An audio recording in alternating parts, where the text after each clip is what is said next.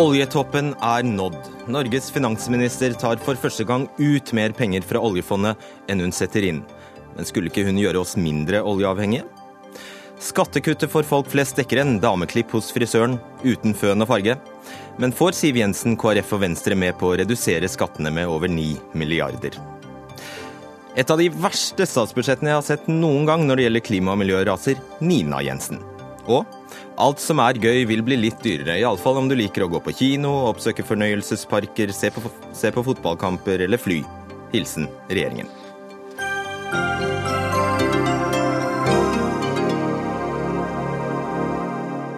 Og om du ikke er interessert i statsbudsjettet, bør du gjøre noe annet enn å se eller høre på Dagsnytt 18 i den nærmeste timen med Fredrik Solvang. Siv Jensen er historisk. For første gang setter en norsk finansminister mindre penger inn på oljefondet enn hun tar ut. Og dermed er eh, oljetoppen nådd, folkens. Nå dekker ikke oljeinntektene lenger det politikerne ønsker å ta ut til gode formål. Siv Jensen, finansminister for eh, Fremskrittspartiet, gratulerer med statsbudsjettet. Tusen takk, men programlederen tar feil. Eh, vi setter altså 423 milliarder kroner inn i oljefondet. Og vi bruker 194 nye oljemilliarder over statsbudsjettet. Hvis vi da sier at vi legger sånn ca. 400 millioner inn, så trekker vi fra 200. Da blir det 201. Dette sjekket vi med din statssekretær i sted. Ja, og Det prøvde han å fortelle deg òg, men jeg tror han fikk inntrykk av at du ikke helt forsto det enkle regnestykket. Ja, men 400 minus 200, det er 200.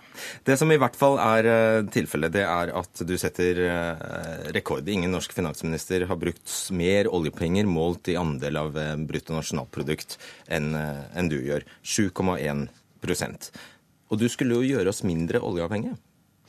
Men vi må ikke blande sammen bruken av eh, oljeinntektene, som eh, er omdannet til finanskapital fordi eh, vi har funnet olje og gass i Nordsjøen, med oljeavhengighet.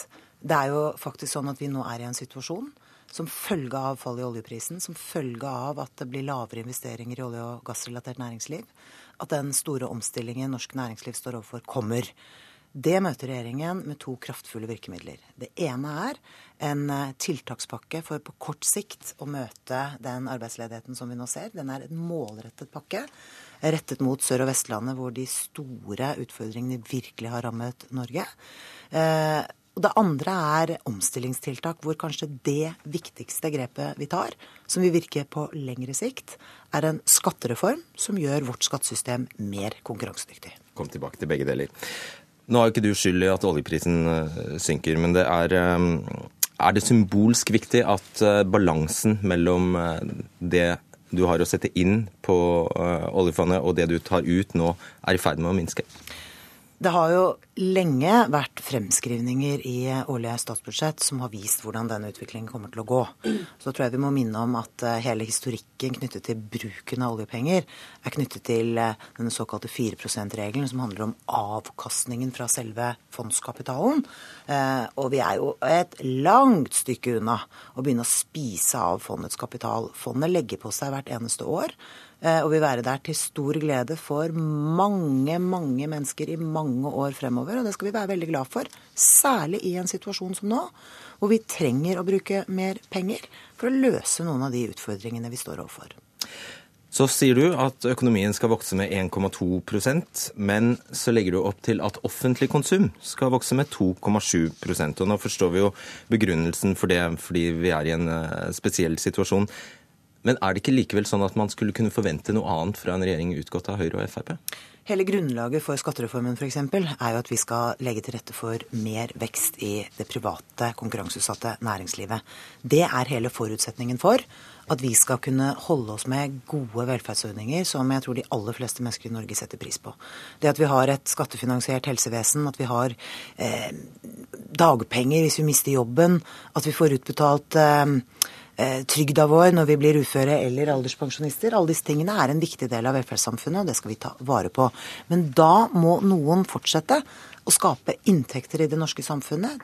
Derfor er det ualminnelig viktig at vi danner et grunnlag for flere konkurransedyktige bedrifter i privat næringsliv. Og det er hovedgrepene regjeringen legger opp til i dette budsjettet.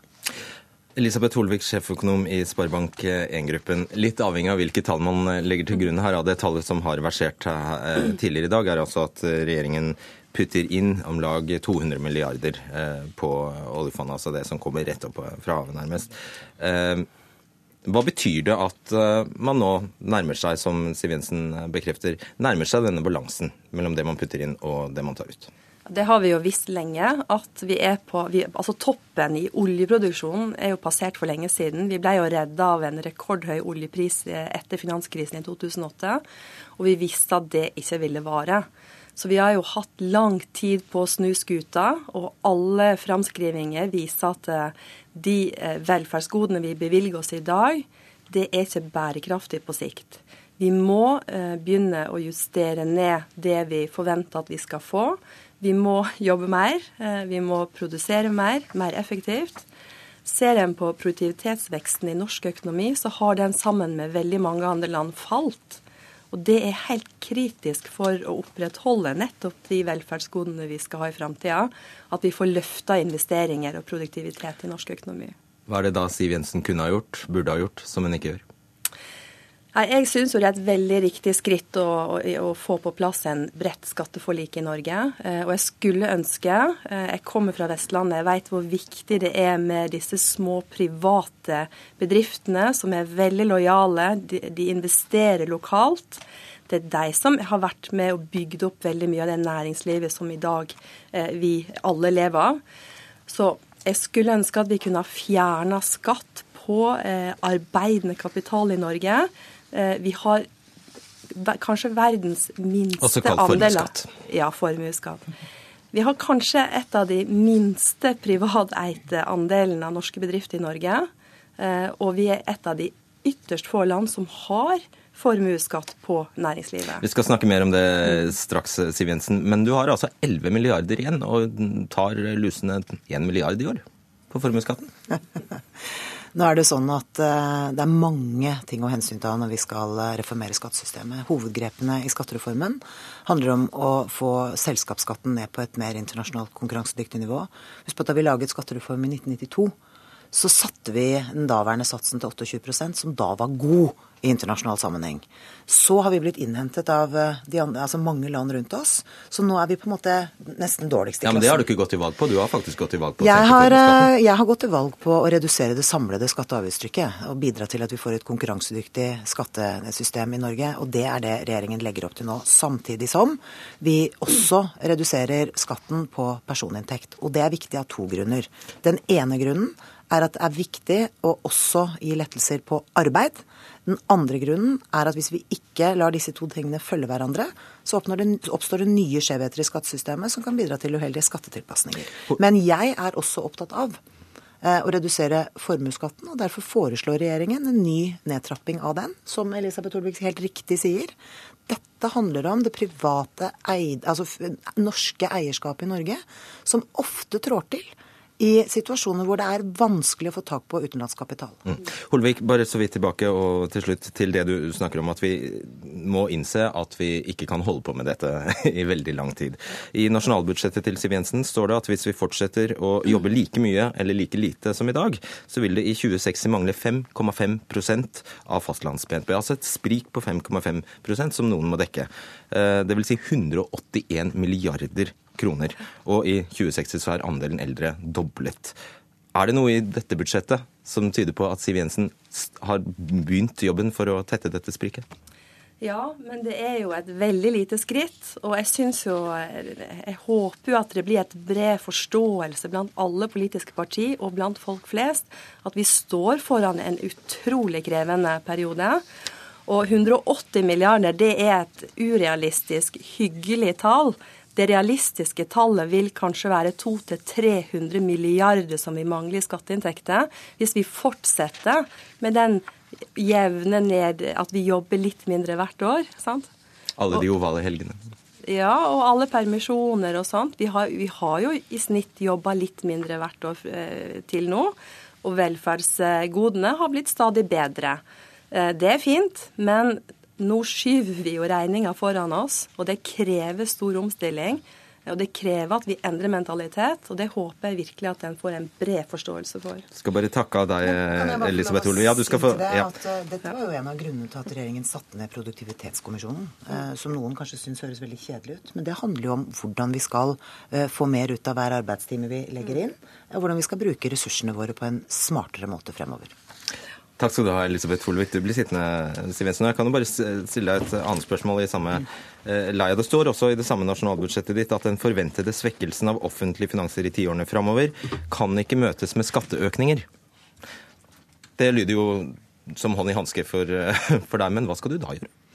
Det handler jo om det vi nettopp var innom. Eh, finne ulike måter å effektivisere økonomien vår på. Det var jo en av grunnene til at vi satte ned eh, denne produktivitetskommisjonen. De ga oss eh, mange råd. Vi er godt i gang med å følge opp flere av dem. De kommer også med en ny siste rapport som de leverer regjeringen eh, i februar neste år, som jeg ser frem til. Men det hjelper veldig lite med en produktivitetskommisjon og forslag fra regjeringen hvis ikke vi får gehør og aksept for det i Stortinget. Det er viktig at vi klarer å ta grep som gjør at vi får mer igjen for hver skattekrone vi bruker over budsjettene. Da handler det om å bruke mindre penger på byråkrati, sånn at vi får mer penger til tjenester. Vi får se, da. Velkommen til oss, finanspolitisk statsperson i Arbeiderpartiet, Marianne Martinsen. Du har altså eh, stilt deg kritisk til eh, regjeringens oljepengebruk. Hva er det du mm. reagerer på? Dette er jo en eh, tendens som vi har sett over ganske lang tid nå, helt siden regjeringen tiltrådde, faktisk. Det er jo ikke sånn at de nå har trappa opp innfasingen av oljepenger for å møte krevende tider. Det var noe de gjorde fra første dag. Eh, så innfasingen har vært høy over tid, og så øker de den ytterligere nå eh, med begrunnelse i konjunktursituasjonen. Og Det er klart at, at, det kan være rom for å bruke noen ekstra penger når vi står overfor krevende tider. Men, men summen av dette gjør at regjeringa over tid har tatt inntektssida i statsbudsjettet kraftig ned. De har økt utgiftene kraftig, og de øker oljepengebruken kraftig. Eh, og det er klart at hvis vi, hvis vi, løfter blikket litt og ser på hvor dette tar oss over tid, så er det ikke bærekraftig. Og det er det vi har stilt oss kritiske til. Vi har jo ofte hørt både finansminister og statsminister eh, påstå at Arbeiderpartiet først har beskyldt regjeringa for å bruke for mye penger og deretter eh, for lite. Det stemmer ikke. Vi har aldri ment at pengebruken har vært for lav, men vi har vært kritiske til hovedinnretninga, hvor de store pengene har gått. Og Der er det jo skattekutt som har vært hovedprioriteten helt fra første dag. Og Da må jeg spørre deg helt konkret. Mm. Altså det har det er foreslått fra regjeringen om å senke, å senke formuesskatten mm. med omtrent 1,1 milliard eh, neste år. Mm. Men mesteparten av skattekuttene som Siv Jensen sier, kommer gjennom kutt i personskatt og, mm. og selskapsskatt. 3,1 milliarder i 2016. Og Arbeiderpartiet vil jo senke selskapsskatten. Mm. Så hvor skulle du ha tatt pengene fra? Vi kommer jo til å legge fram vårt svar på forslaget til skattereform i løpet av ganske kort tid. og Da kommer vi til å demonstrere at det er fullt mulig å få til en skatteomlegging i fornuftig retning som tar selskapsskatten ned for å gjøre det mer lønnsomt å investere, mer lønnsomt å skape arbeidsplasser i Norge, uten at fellesskapet taper store inntekter på det. Men du vil ikke svare nå? Nei, det har vært vårt utgangspunkt for skattereform eh, hele veien. At det er fullt mulig å få til et forlik i Stortinget som, eh, som, sørger for enighet om noen viktige prinsipper, noen viktige omlegginger som styrker næringslivet eh, vårt, men uten at, eh, uten at det går på provenyet løs. Raskt til det. Ja, Det høres veldig vakkert ut eh, at man ikke skal eh, gjøre sånn at fellesskapet taper, som Marianne Martinsen sier. Men konsekvensen av å gjøre en sånn skatteomlegging, som hun kaller det, er at noen må betale den skatteregningen. Og det er altså sånn at Når vi setter skattesatsen ned, så betyr det i seg selv at verdien av en del av de fradragene vi har i skattesystemet, blir mindre. For å motvirke det har jo regjeringen eh, tilført reduksjoner på, eh, i skattesystemet, nettopp fordi vi ser at verdien av fradragene blir mindre. Det som er Arbeiderpartiets svar på dette, er uten lettelser så blir fradragsverdien enda mindre. Og det betyr jo i verste fall skjerpelser i skatt eh, for å få dette til å bli såkalt provenynøytralt. Vi har ikke som utgangspunkt at skattene skal skjerpes for vanlige folk. Hvordan skal du klare det ellers da, Marianne Martinsen? Scheel-utvalget har flere forslag. Du innfører jo et av de, denne nye trinnskatten, som gir en mulighet for å ta inn mye av provenyet, og samtidig få til en bedre fordelingsprofil, alt ettersom vi innretter dette. Men det Siv Jensen hevder, og det sa hun i finanstalen sin i dag, det er, at, det er at det fremste tiltaket for å fremme omstilling i det norske samfunnet er skattekutt. Det er vi uenig i. Vi ser jo at, at hovedprioriteringa fra regjeringa siden de tiltrådte, har vært store kutt, fortrinnsvis i formuesskatten, som ikke har noe særlig effekt. Men nå i selskapsskatten? På, jo, men de fortsetter jo å prioritere kutt okay. i formuesskatten, selv om det underminerer. Kjempekort. Jeg tror Marianne Martinsen må se litt mer på denne skattereformen. For denne trinnskatten i seg selv eh, får jo konsekvenser for skattyterne, litt avhengig av hvor innslagspunktene går. Eh, og det har jo vi viselig innrettet nettopp fordi vi ønsket å gi lettelser til brede inntektsgrupper og omfordeler slik at det er de med høyest inntekter som får skjerpelser. Så hvis Marianne Martinsen skal gjøre endringer der, så vil det fortsatt få den konsekvens at vanlige lønnsmottakere, industriarbeidere, får skatteskjerpelser. Okay. Vi, må ha med han som, vi må ha med han som antagelig har sørget for at uh, du bare foreslår å kutte formuesskatten med 1,1 milliard. Hans Olav Syversen, leder av finanskomiteen på Stortinget. Skal jeg få æren for det? Det kan du få æren for. Din partileder Hareide har altså sagt at store kutt i formuesskatten til høsten kan ødelegge for et bredt eh, forlik skatteforlik på Stortinget. Er 1,1 milliard i eh, kutt i formuesskatten spiselig? Jeg tror jeg skal vente litt med å felle noen dom over akkurat formuesskatten. Det som jeg syns har vært positivt i Stortinget i dag, er jo først at finansministeren har invitert til et bredt skatteforlik. Og jeg er også glad for Arbeiderpartiets respons. Eh, på det. Hørtes kanskje ut som det var litt større avstand igjen nå. Men, men eh, ja, det, det, og det syns jeg er noe av det viktigste vi som storting i fellesskap kan få til i denne perioden. Det er å ruste oss eh, for framtida når det gjelder vårt næringsliv. Og det å sørge for at eh, den debatten dere hadde i stad, kan komme på spor hvor vi også kan sørge for at vi har penger til våre velferdsoppgaver. Og da er et skatteforlik viktig, fordi det gir kontinuitet og forutsigbarhet både for bedrifter og enkeltpersoner. Så det kommer vi til å bidra med. Og det er dere med på?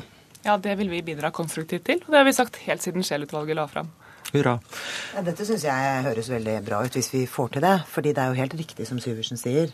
Et bredt forlik skaper større forutsigbarhet for næringslivet, fordi de da vil vite at eh, systemet står seg over en viss tid. Og det kommer jo til å stimulere til økte investeringer. Og det Stortinget da kan merke seg, er at dere er villige til å eh, gi en vanlig lønnsmottaker her i landet med 400 000 kroner i årsinntekt en skattelett på 1000 kroner.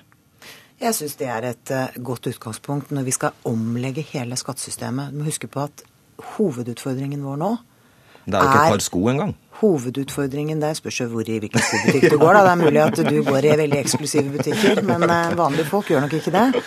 Men uh, nå er det altså sånn at utgangspunktet for denne diskusjonen er alvorlig. Det er mange mennesker som mister jobben sin. Det er store omstillingsutfordringer i norsk næringsliv. Oljeprisen har halvert seg det siste året. Det borger for at vi må sørge for konkurransedyktige rammebetingelser for næringslivet. Det er det alvorlige bakteppet. og Det er hovedgrunnen. Men uavhengig av hvor jeg handler mine eh, sko, så handler jo dette om profil. Og er dette en er det en grei profil at en vanlig lønnstaker får, uh, mottaker får 1000 kroner i skattelette? Så Det er jo snakk om under en hundrelapp eh, i måneden. Så jeg tror at det er få familier som, som vil tenke at dette utgjør den store forskjellen. Eh, og den samla profilen på det de legger fram, eh, gjør jo fortsatt, når man inkluderer formuesskattekuttene, at det er de i toppen som sitter igjen med mest. Og så må vi huske på at dette, dette føyer seg jo inn i en historie. Men det kan, du, unnskyld, unnskyld, det kan du jo også gjøre hvis du senker selskapsskatten. Den effekten vil du jo nesten få, ikke sånn? Hvilken effekt er det du sikter til nå? At det blir mest skattelette til de, de, som har mest?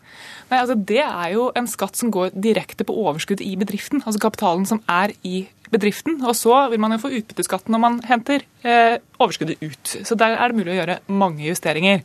Men, men den samla profilen på det regjeringa har lagt fram siden de tiltrådte, er usosial. Og i dette opplegget så ligger det jo en gjentagelse av de formuesskattekuttene som vi allerede har vedtatt gjennom de to siste åra. Og det skal man også ha med seg her. Altså jeg syns det er spennende eh, det regjeringen foreslår med fire trinn nå i personskatten. Det gir en eh, bedre profil eh, på skattelettelsene, og det er også slik at de som tjener mye, kan få en liten skjerpelse. Og jeg tror et skattesystem som har oppslutning blant det brede lag av befolkningen, det skaper tillit og igjen produktivitet i samfunnet.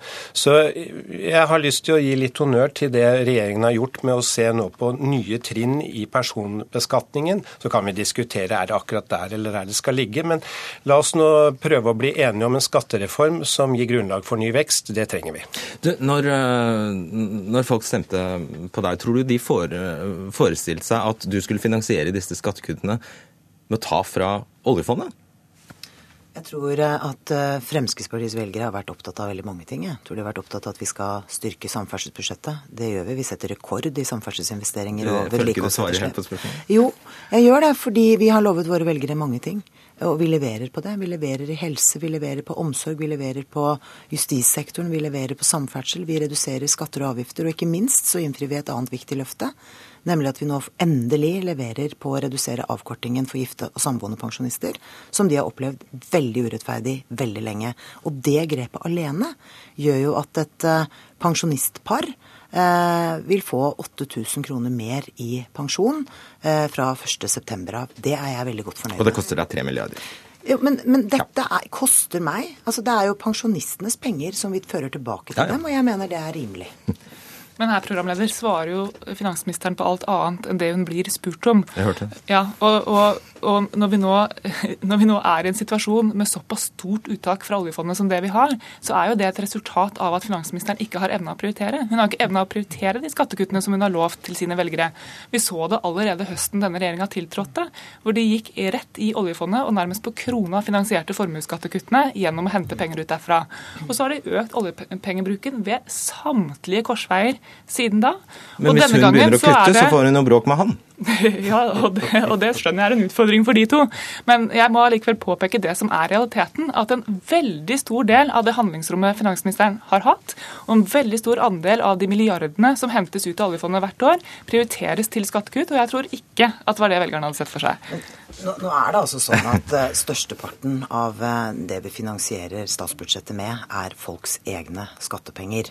Så jeg tror ikke vi må skape et inntrykk av at det bare er oljepenger vi bruker over statsbudsjett. Det er med all respekt helt feil. Og så henger jeg jo igjen med to spørsmål etter å ha hørt på Marianne Martinsen fra Arbeiderpartiet. For det virker på meg som om de nå i sitt alternative budsjett både skal eh, bruke mindre oljepenger og øke skattene. Og jeg er ikke helt sikker på eh, om verken vanlige folk eller norsk næringsliv vil komme bedre ut av et, eh, en sånn prioritering. Men det er en ærlig sak å ønske å skjerpe skattene. Nå kommer jo hvert alternativ når det kommer. Men, ja, det blir spennende å se. Ja. Vi, vi, vi, er i hvert fall i en situasjon hvor når vi bruker mye penger, at vi i fellesskapet bruke dem rett. Og Det jeg eh, setter meg ned til forhandlingsbordet med, det er å sørge for at vi nå får en innretning på budsjettet som får ned ledigheten. Det er det aller viktigste nå. Det er kortsiktig. Og så hvordan vi styrker vår økonom, økonomi på lengre sikt. Det er to av våre viktigste punkter når vi skal sette oss ned og forhandle. Da kommer vi til å bli enige, for det er grunnlaget for det budsjettet regjeringen har. Og Siste spørsmål til deg, Siv Jensen. Altså, Frp har jo ønsket at avgifter skal brukes til å betale kostnaden til et produkt eller en transaksjon. Eh, hvor, eh, hvorfor har du ikke kutta denne dokumentavgiften? Den er ikke blant de avgiftene som er prioritert i regjeringsplattformen. Eh, men vi har jo allerede redusert betydelig mange avgifter. Eh, arveavgiften f.eks. er borte. Vi har gjennomført kraftige reduksjoner i bilavgiftene siden vi tiltrådte. I dette budsjettet så prioriterer vi eh, det faktum at arbeidsledigheten i Norge øker. Da er det en skattereform som har fått hovedprioriteten fra regjeringens side, og det mener jeg er riktig i den situasjonen vi nå er i. Ok, Takk skal dere ha. Siv Jensen, Marianne Martinsen og Hans Olav Syversen.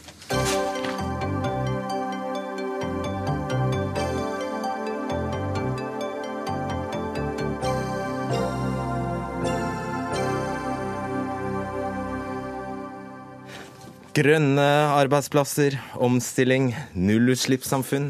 Hørte før? Bare så langt i denne sendingen er det fraser som er nevnt eh, flere ganger. Og nå ser det ut til at det grønne skiftet er helt i det blå. I hvert fall ifølge miljøbevegelsen. For mens regjeringen sier at klimagassutslippene skal ned, legger den med dette budsjettet opp til at de kommer til å øke. Ja, Det sier du, Nina Jensen, generalsekretær i WWF. Er du sikker på det? Altså Nå er det jo kommet fram nye tall i løpet av, eller fakta i løpet av dagen som viser at det er noen eh, Eh, utfordringer med tallene som faktisk står i statsbudsjettet. Det er jo interessant eh, i seg selv eh, når man mener at det skal være et offensivt klimabudsjett og man ikke har kontroll på utslippene.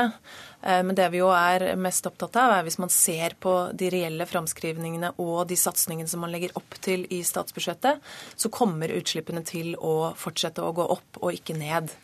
Når vi da har forpliktet oss til 40% utslippskutt, og vi skal til et klimatoppmøte i Paris senere i år, eh, så syns jeg det er pinlig. De kan jo ha en veldig god plan. Ja, det er mulig man har en, en, god plan. Jeg har til gode å se den. Eh, og jeg syns jo det er eh, høyt på overtid at man får den planen på plass. Og ikke minst burde vi allerede i dag se at utslippene går ned og ikke går opp. La oss ta det aller først, klima- og miljøminister Tine Sundtoft fra Høyre. Kommer klimagassutslippene til å øke eller synke med dette budsjettet? De bør absolutt synke med dette budsjettet. Det, tallet, det er vi vel alle enige men kommer de til å gjøre det?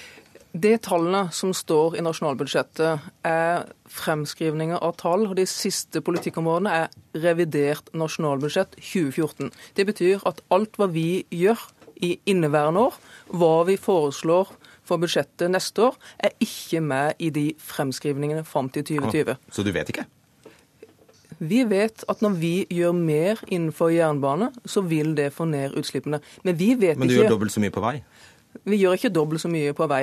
Det vi gjør på jernbane, er å oppfylle det som står i en nasjonal transportplan. Der oppfyller vi nå 80% av nasjonal transportplan innenfor jernbane. Vi oppfyller mer på jernbane enn vi oppfyller på vei. Så, men, men, bare for å da, ja. Svaret er at du, du, du, vet ikke. Du er ikke helt sikker på om dette vil øke eller minske utslipp? Vi har virkelig tro på at hva vi gjør innenfor jernbane, hva vi gjør innenfor endring av bilavgifter, hva vi allerede har gjort med å si at elbilfordelene fortsetter ut 2017, så må vi ned innenfor transport. Så må jeg bare beklage at på toppen av dette ble det en feil i dag med teknikalitetene rundt tallet, som ble en sånn dobbel forvirring. Men det er feil å si at vi legger opp til en politikk som øker klimagassutslippene. Det tror jeg nå vi kan være enige om at det er feil, men det ble litt rot med det tallet i formiddag. Nei, Det er vanskelig å være enig om dette. og Jeg synes jo det er bekymringsfullt eh, at man ikke kan klare å si om, eh, om, man har et budsjett der, eh, som vil bidra til at utslippene går ned eller ikke. Dette burde man være krystallklar på, og ikke minst være klar på hvor utslippskuttene skal komme, hvor raskt de skal komme, sånn at vi faktisk når de målene som vi har eh, satt oss. Og det er jo faktisk feil å si at dette er et budsjett som ikke legger opp til økte utslipp. Man har altså en, et ekspansivt budsjett der man satser mer på olje og gass og relativt sett mindre på fornybar energi. Så den grønne omstillingen omstillingen Hun sier at togsatsingen vil oppveie for det, da? Det er, eh, det er, en redusert satsing på jernbane og en kraftig økning på vei. Dette er bare ett eksempel på mange i budsjettet hvor de gode intensjonene og enkelttiltakene som man kaller klimatiltak, blir spist opp av massiv satsing eh, på enten det er ny olje og gass eller vei, som da vil bidra til at utslippene går opp. Da får vi stole på at du har en hemmelig plan gjorde en kraftig økning i jernbaneinvesteringene fra 2014 til 2015. Vi holder på noenlunde samme nivå i 2016. Nå var det ikke flere gryteklare investeringsprosjekter innenfor jernbane. Derfor bruker vi større andel i 2016 til vedlikehold. Men nivået er det samme. Hva vi gjør innenfor miljøteknologiordningen, hva vi gjør innenfor å tilføre 14,25 milliarder til klima- og energifondet, vi vet ikke per i dag hva det vil gi av utslipp fram til 2020, men vi har stor tro på at det vil gi reduksjoner i utslipp. Og Likevel har du forpliktet oss til 40% utslippskutt innen 2030. Det har vi. Paul Joakim Sandøy, du er eh, prosjektleder i Civita og kommentator i Minerva, og tidligere leder i Unge Høyre. Og du sier at det er positive sporer i dette budsjettet. Ja. Eh, men at du savner mye en mye tydeligere omlegging av skatter og avgifter. Ja. Hva da? Det er, altså, det er, mye bra i det klimabudsjettet her, men det er en stor mangel, og den er stor. Og det er eh, større økning av grønne skatter og avgifter. Og Det er viktig av to grunner. Det ene er at det er det mest effektive klimatiltaket vi har. Eh, den andre grunnen er at dette er, og har egentlig vært veldig lenge, høyresida sitt svar på klimautfordringa. At vi har liksom troa på markedet. Vi skal, og det skal man gjøre ved å gjøre utslipp dyrere, og så skal man gjøre det billigere alt det andre.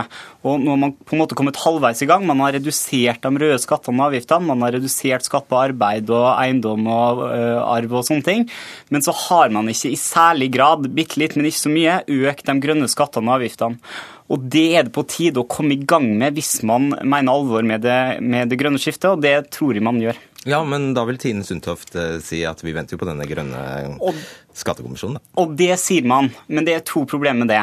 Eh, det ene er at vi har et stort spillerom eh, før den grønne skattekommisjonen kommer. Det er ikke sånn at man, eh, hvis man øker generelt CO2-avgifta nå f.eks., så vil den grønne skattekommisjonen komme og si at hjelp, det var altfor mye. Altså, det, det vil bare, da vil man være, være, med på å forskuttere og, og, sette i gang det grønne skiftet. Men den andre grunnen til at det er dumt å vente så lenge, er at da kommer ikke disse anbefalingene før i desember. Man får det ikke inn før i neste statsbudsjett.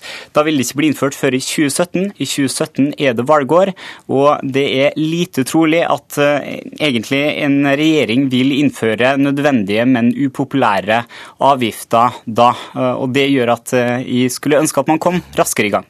Sandøy har jo et stort poeng her. Tradisjonelt så ville dette vært god høyrepolitikk? Ja, Han har et kjempegodt poeng, og vi vet at skatter og avgifter er noe av det som uh, gjør at vi reagerer kjappest på det grønne skiftet. Vi var enig med Venstre og KrF i revidert nasjonalbudsjett om å gjøre noe på bilavgiftene. Uh, da vi begynte virkelig å regne på de modellene for å uh, øke CO2-komponenten og nitrogendioksidkomponenten, så viste det at det var ganske komplisert, så vi trengte dessverre noe mer tid til å se på det. Og i ettertid så har Volkswagen-skandalen kommet og vist at det var kanskje lurt å bruke litt tid på det. Men det er jo ingen andre enn deg som mener at dette går fort nok? Nei, jeg sier at eh, der burde vi ha gjort det mer nå, men det er komplisert, trenger noe mer tid. Og så er det helt riktig som programlederen sa, vi får Grønn skattekommisjon 2.12. Og det er også kanskje lurt å se hva som kommer der, men at vi må gjøre mer innenfor skatter og avgifter, det er det som får oss til å reagere kjappest, også som enkeltpersoner. Nina Jensen, har dere noen gang vært fornøyd med et statsbudsjett på klima?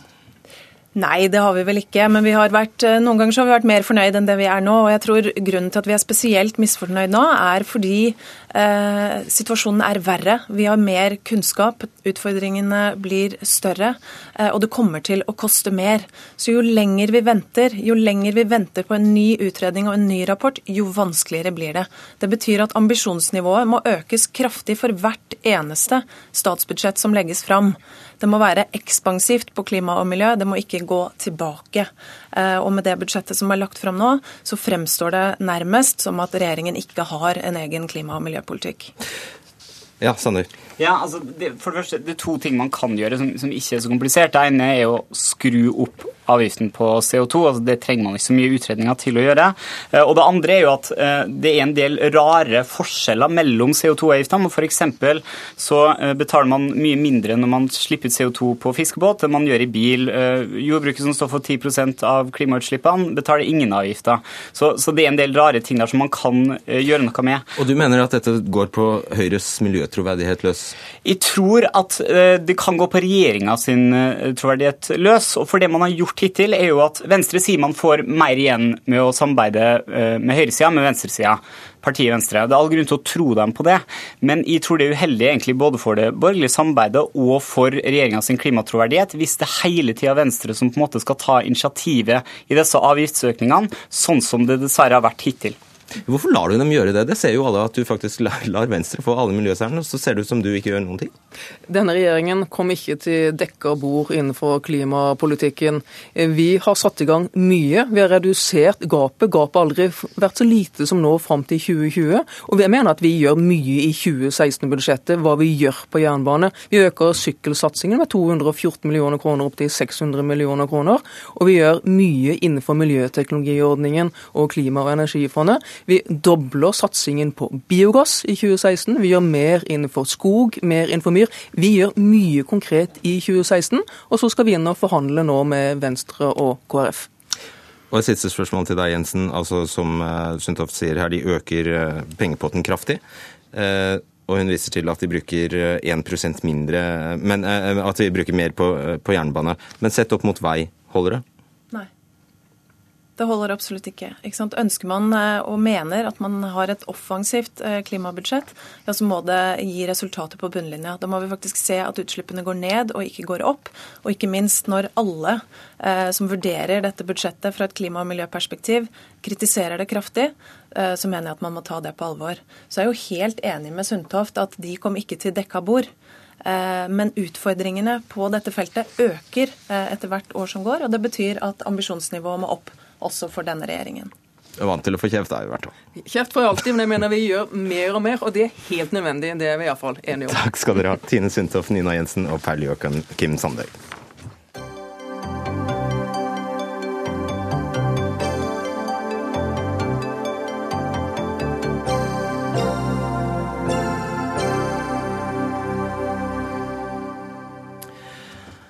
Arbeidsledigheten i Norge stiger, bl.a. pga. trøbbel i oljebransjen. 120 000 er nå arbeidsløse ifølge Statistisk sentralbyrå, og ledigheten skal stige til 3,6% neste år, tror regjeringen. Og I dag lanserte derfor regjeringen en tiltakspakke på 4 milliarder kroner. Geir Kristiansen, leder i LO. Fint og flott? I utgangspunktet, ja men det burde ha vært brukt mer penger på tiltak. Der er mange uløste oppgaver som gjør at man kunne ha gått inn med mer. Det er bra at de har styrka, eh, at de har styrka eh, og kommet med tiltak i de regionene som er verst utsatt. Men der er elementer som de godt kunne ha lagt inn. Og når man ser hvor høyt de er gått på banen i oljepengebruken, og at det bare er 4 milliarder av totaliteten som går til tiltak, så gjør det meg litt urolig. Det er fordi at det skal komme arbeidsplasser ut av det, f.eks.? Ja, det skal komme arbeidsplasser ut av det, men hvordan gjør man det fort? Hvordan sørger man for at folk ikke går ledig eh, over tid? Og der har de jo ikke møtt oss på det, et av de viktigste elementene som vi har eh, lagt inn, og det er permitteringsregelverket. NHO-sjef Kristin eh, Skogen Lund, du har sagt du er fornøyd med dette budsjettet, men du har også omtalt det som et unntaksbudsjett. Mm. Hvorfor er det?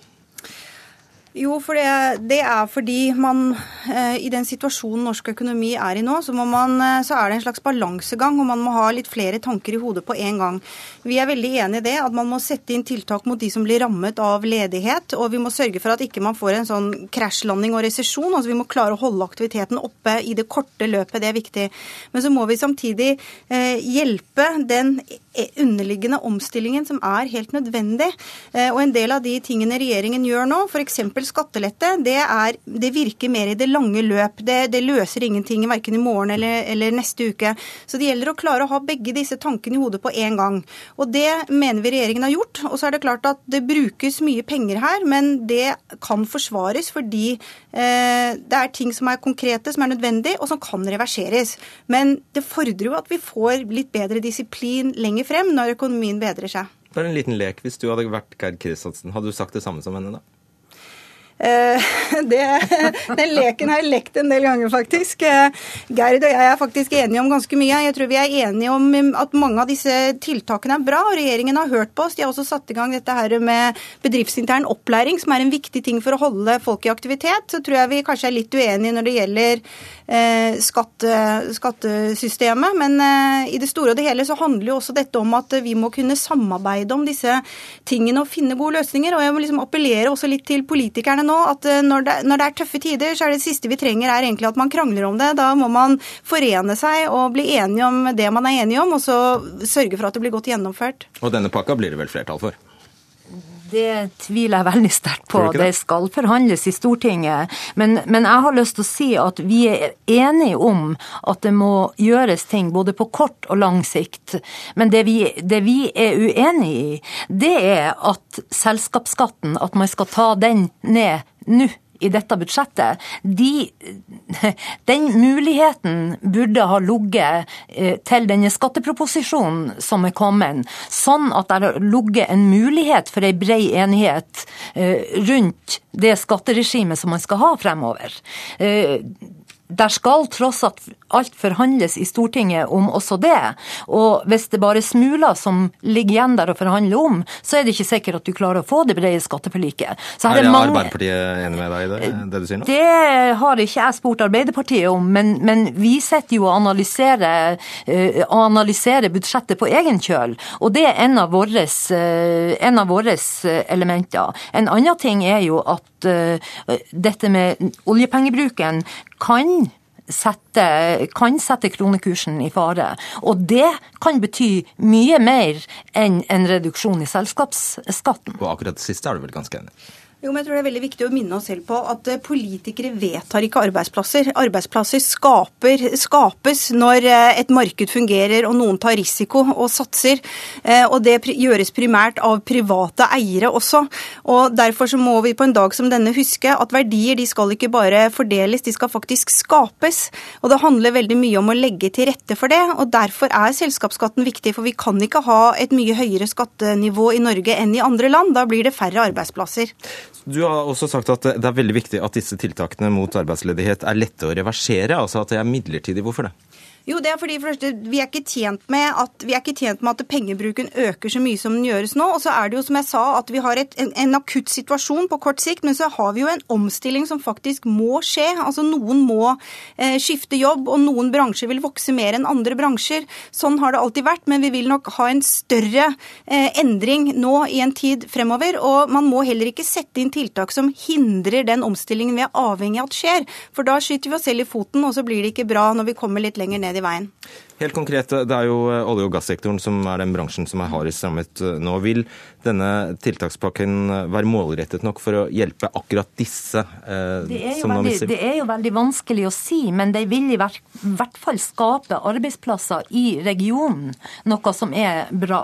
Eh, men, men, jeg har lyst til å si en annen ting som, som jeg syns er bra i budsjettet. Og det er det at det setter av ganske mye penger til eh, Forskningsrådet og Innovasjon Norge i forhold til nettopp den langsiktige omstillinga som vi skal inn i. Okay. Det er vi enig i. Ja, Det er dere enig i. Det er bra. Eh, så har Norsk Industri, altså bransjeorganisasjonen Norsk Industri, uttalt at de frykter opp mot 70 000 oljejobber kan bli borte innen neste år. Er da 16 000 tiltaksplasser fra regjeringen tilstrekkelig i det hele tatt? Altså, det er en ganske stor økning i antall tiltaksplasser. Og igjen ikke sant, så er det altså sånn at uh, noe, noe, av dette vil føre til en varig omstilling, og det, og det, må få skje. Og så er det da å finne denne balansegangen som gjør at vi ikke heller taper unødvendig kompetanse som kunne vært berget bare fordi det er en veldig kortsiktig dipp. Men det er altså det å klare å balansere dette kortsiktige og det langsiktige. Men 16 000 opp mot 70 000? Jo, men er, Poenget er at uh, sannsynligvis så kan ikke Så må noen, noe av det må være en naturlig omstilling. Og det vi heldigvis ser, er jo at de høykompetente menneskene som rammes i oljesektoren, de fanges veldig raskt opp av andre arbeidsgivere. Og faktisk er det jo mange bedrifter som også ikke har fått tilgang på kompetanse de senere årene fordi det har vært så hett i oljemarkedet. Så noe av dette finner også sin egen løsning, og sånn må det få være. Og, men da blir de arbeidsledige i mellomtiden. Ja, men Det som er viktig å huske på oppi det hele, det er jo det at tiltaksnivået eh, det var på dette nivået for ganske få år siden. Eh, sånn at regjeringa har ikke gjort det kjempesvære løftet i tiltaksplasser. De har løfta det ifra det de tok det ned til. Det har de gjort. Men, men at det er det svære løftet, det er ikke jeg med på. Så øker man etableringstilskuddet f.eks. ganske betydelig. Det er jo viktig at disse menneskene som da blir, blir eh, påvirket av dette her, f.eks. skaper sin egen virksomhet og nye arbeidsplasser på den måten. Så altså, man må ikke isolere det til bare én ting ting. Det er mange forskjellige ting som må skje. En omstilling er ikke én ting. Så vi håper det ikke går så galt? Det satser vi på. Nei, men det er viktig å se budsjettet i helhet. Takk skal dere ha, Kristin Skogen Lund og Geir Kristiansen.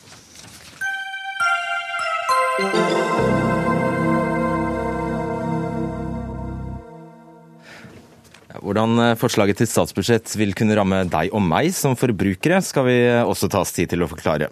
For eh, mange har nok fått med seg den omtalte moroskatten som regjeringen foreslår å øke. Og Silje Sandmæl, forbrukerøkonom i DNB.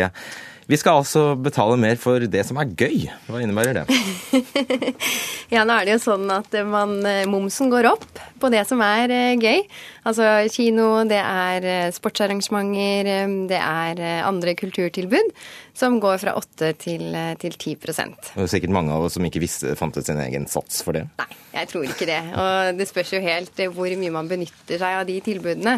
Og det blir jo, altså, det blir jo bare et par kroner dyrere å gå på kino, men eh, skal man, eh, bruker man mye penger i løpet av et år på det som er moro, så, så kan det jo selvfølgelig bli en, en liten sum. Og vi har faktisk hørt at kinooperatørene allerede har uttrykt sin misnøye med dette. Ja. Eh, la oss ta et regnestykke, da. Altså, hvis en familie bruker 30 000 kroner på kultur, hotell og transport i løpet av et år, hvor mye dyrere blir det da? Nei, Det blir jo ikke så veldig mye dyrere. Man må jo bare tenke at eh, det blir eh, Hvor mye blir det? Nå må jeg regne fort. 600 kroner eller noe sånt? Ja, ja det blir underkant av 1000 kroner. Ja. Så 600 kroner blir det, og da vil jo ikke det spise så mye av, av budsjettet ditt. Men man må jo også tenke på at man får skattelette. For der får man jo betydelig mer eh, enn en de utgiftene du har på, på det som er moro ett eller to par sko, som vi skjønte. Vil vi egentlig eh, merke denne økningen eh, når du legger til eller trekker fra skatten og ser det, ser det under ett? Ja, altså noen vil jo selvfølgelig merke det. Jeg tenker eh, pensjonistparet, som jeg mener er eh, en av årets eh, vinnere i statsbudsjettet, vil, vil merke det. For de får jo bl.a. skattelettelse, i tillegg til at de får nå mer pensjon. For er du gift eller samboer, så er det jo sånn at du nå får 90% av grunnbeløpet istedenfor 85 hvis det forslaget går, går igjennom. Så det kan bety mange tusen i gjennomsnitt, ca. 14 000 i året faktisk. Eh, så er det hva, hva, med bilavgiftene og sånt nå? Det koster jo veldig mye å ha bil. Hvordan, hva, gjør, hva gjøres der? Ja, det, det, er helt riktig. Det er veldig dyrt, eh, dyrt, med bil, eh, men det blir ikke noe særlig dyrere. Vi ser at det, det er ikke det, det som tar noen store innhugg i, i økonomien. De bare prisjusterer bensin- og ja. dieselavgiftene. Og det er det vi ser, at det er jo veldig mange utgifter som bare pris, prisreguleres. Altså det er, mange er jo opptatt av f.eks. alkohol og tobakk og de type, type, produktene, og de vil jo ikke bli noe særlig dyrere. Snus går faktisk litt under prisreguleringen. Og prisreguleringen er sånn uh, 2,5% Ja. ja. Så hvis vi kan ta med NRK under det som er uh, gøy, så går altså lisensen opp. Uh, det er kanskje noe mange irriterer seg over? Det kan være, og jeg som programleder i Luksusfellen ser jo ofte den, dessverre, på listen over inkassosaker, og det er jo den som også får folk til å få betalingsproblemer ofte, fordi den blir liggende. Man er litt sånn eh, Nordmenn er ikke så veldig gode til å planlegge, så når den regningen kommer i posten, så tenker man oi, det forventet jeg ikke. Selv om den kommer da hvert eneste år, samme tidspunkt, to ganger i året. Så, men det, blir, det utgjør ikke så mye. Det gjør det jo ikke. Nei. Så er det denne trinnskatten. Eh, hvilket utslag vil den kunne gjøre? Ja, altså den trinnskatten, eh, det kan være litt eh, vanskelig å forstå. Men eh, det er jo sånn at inntektsskatten nå, den går jo ned fra 27 til 25% Og så kommer det et påslag, altså den trinnskatten, avhengig av hvor mye du tjener. Så har du 160 000 omtrent der i inntekt, så får du et påslag på 0,6 på de 25 prosentene. Og så går jo da de prosentene de går høyere i henhold til trinnene og hvor mye du tjener. Så jo mer du tjener, jo mer skatt eh, må du betale. Og denne trinnskatten erstatter da altså toppskatten som vi hadde. Reisefradraget skal strammes inn. Eh, det vil ramme 125 000 eh, pendlere. Hva går det ut på? Det går ut på at man da må ha flere reiseutgifter enn før for å få et fradrag.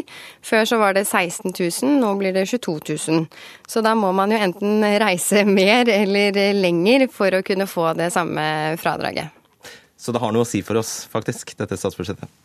Absolutt, det har eh, noe å si for eh, lommeboka, men sånn eh, generelt så vil jo da folk få mer å rutte med. Og det er ikke det som betyr mest for lommeboka, det er faktisk boliglånsrenten. Og den har jo nettopp gått ned, så man har fått noe pluss der, og noe pluss kanskje her, avhengig av hvilke utgifter du har. Så, så til syvende og sist så får nordmenn mer å rutte med neste år. Takk skal du ha, Silje Sandmæl.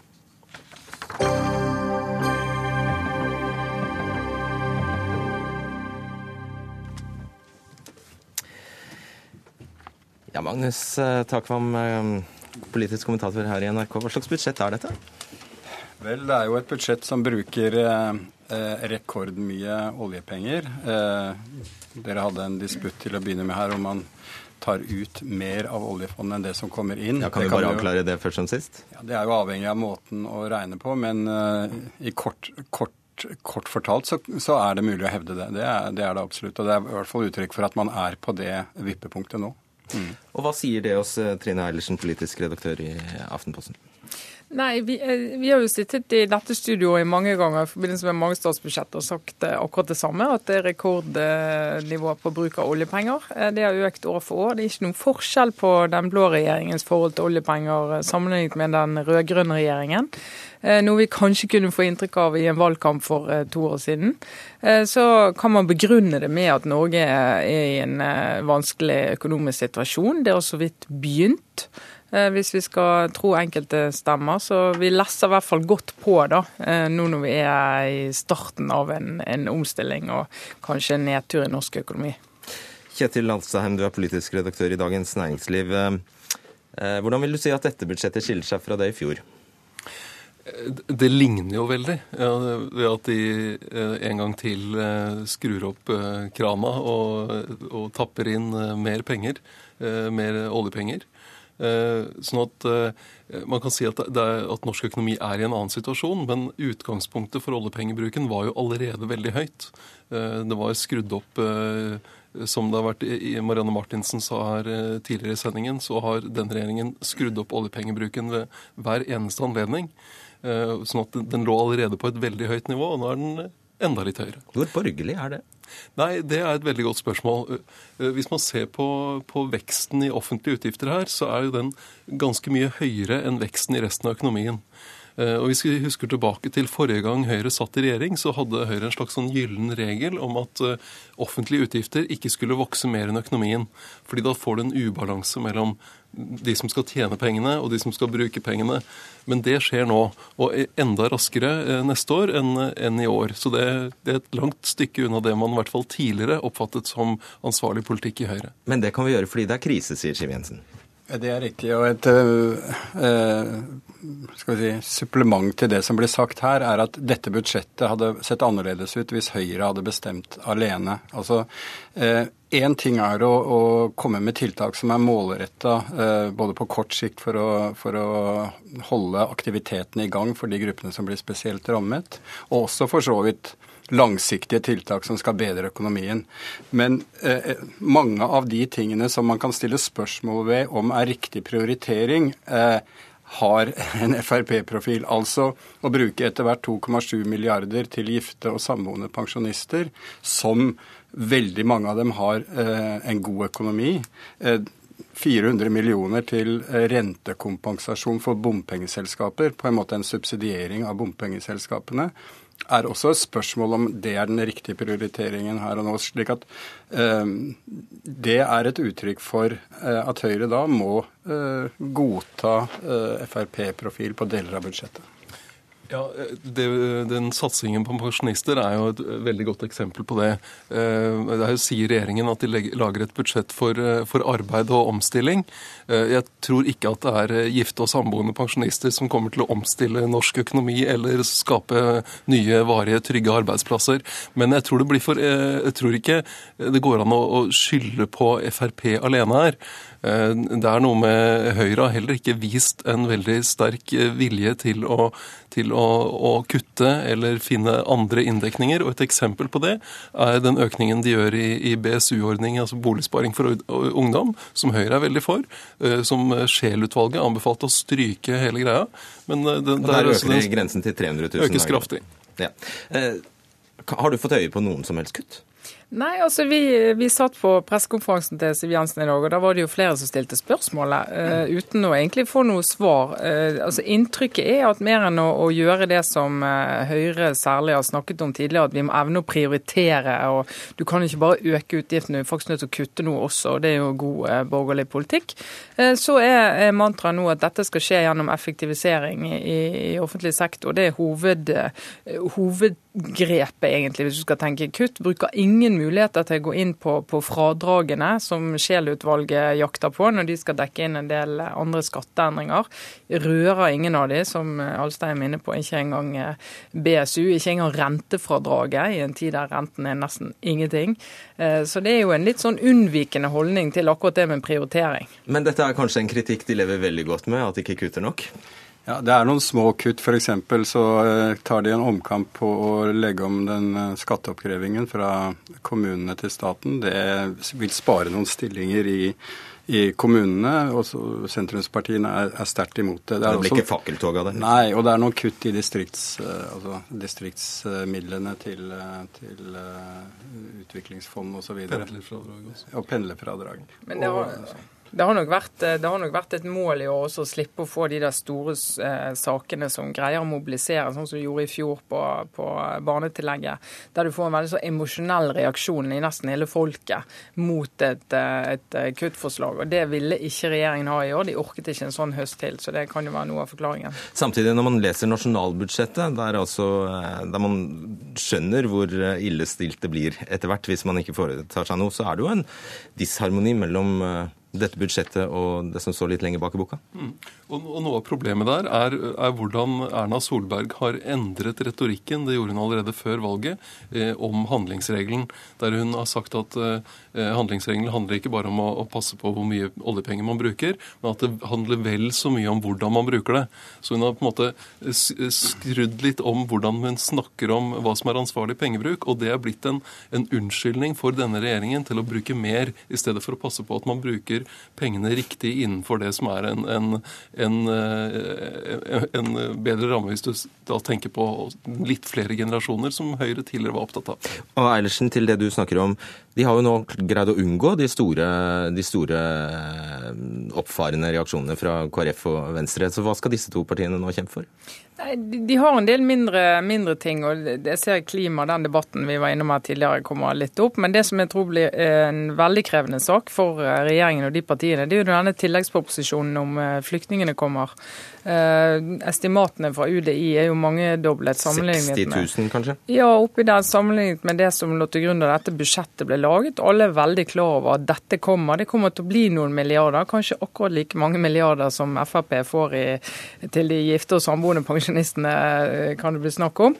Eh, og, og, hvordan de skal løse det. Skal de bruke enda mer oljepenger på det? Skal de flytte penger fra et annet sted? Skal vi få en diskusjon der flyktningene stilles opp mot andre grupper? Altså, det er en utrolig krevende sak. og Det har jo flere sagt i dag, at den gruer de seg til når den saken kommer. Hva sier de til deg? Nei, altså KrF og Venstre er begge opptatt av det, selvfølgelig. Fordi de med sitt utgangspunkt er redd for at eh, det fører til ytterligere reduksjoner i den vanlige uhjelpen som allerede nå er vridd om, der de bruker nødhjelpspenger eh, eller tar fra det sørlige Afrikas sivilsamfunnstiltak og sånn, som de ikke er fornøyd med. Man reduserer kvoteflyktningene fra andre steder enn Syria med 500 for å få til denne Syria-avtalen. Og det man er redd for, er en ytterligere gang på den veien, å ta mer fra uhjelpen, ta noe fra andre budsjettposter, eller redusere ytelsene til flyktninger og asylsøkere. Mm. Altså, eh, vi hørte her Marianne Martinsen svarte svært unnvikende på spørsmålet om hvordan hun ville ha funnet inndekning for eh, kutt i selskaps- og inntektsskatt, som Arbeiderpartiet for så vidt har, eh, har uttalt seg positivt til. Er dette en floke for Arbeiderpartiet?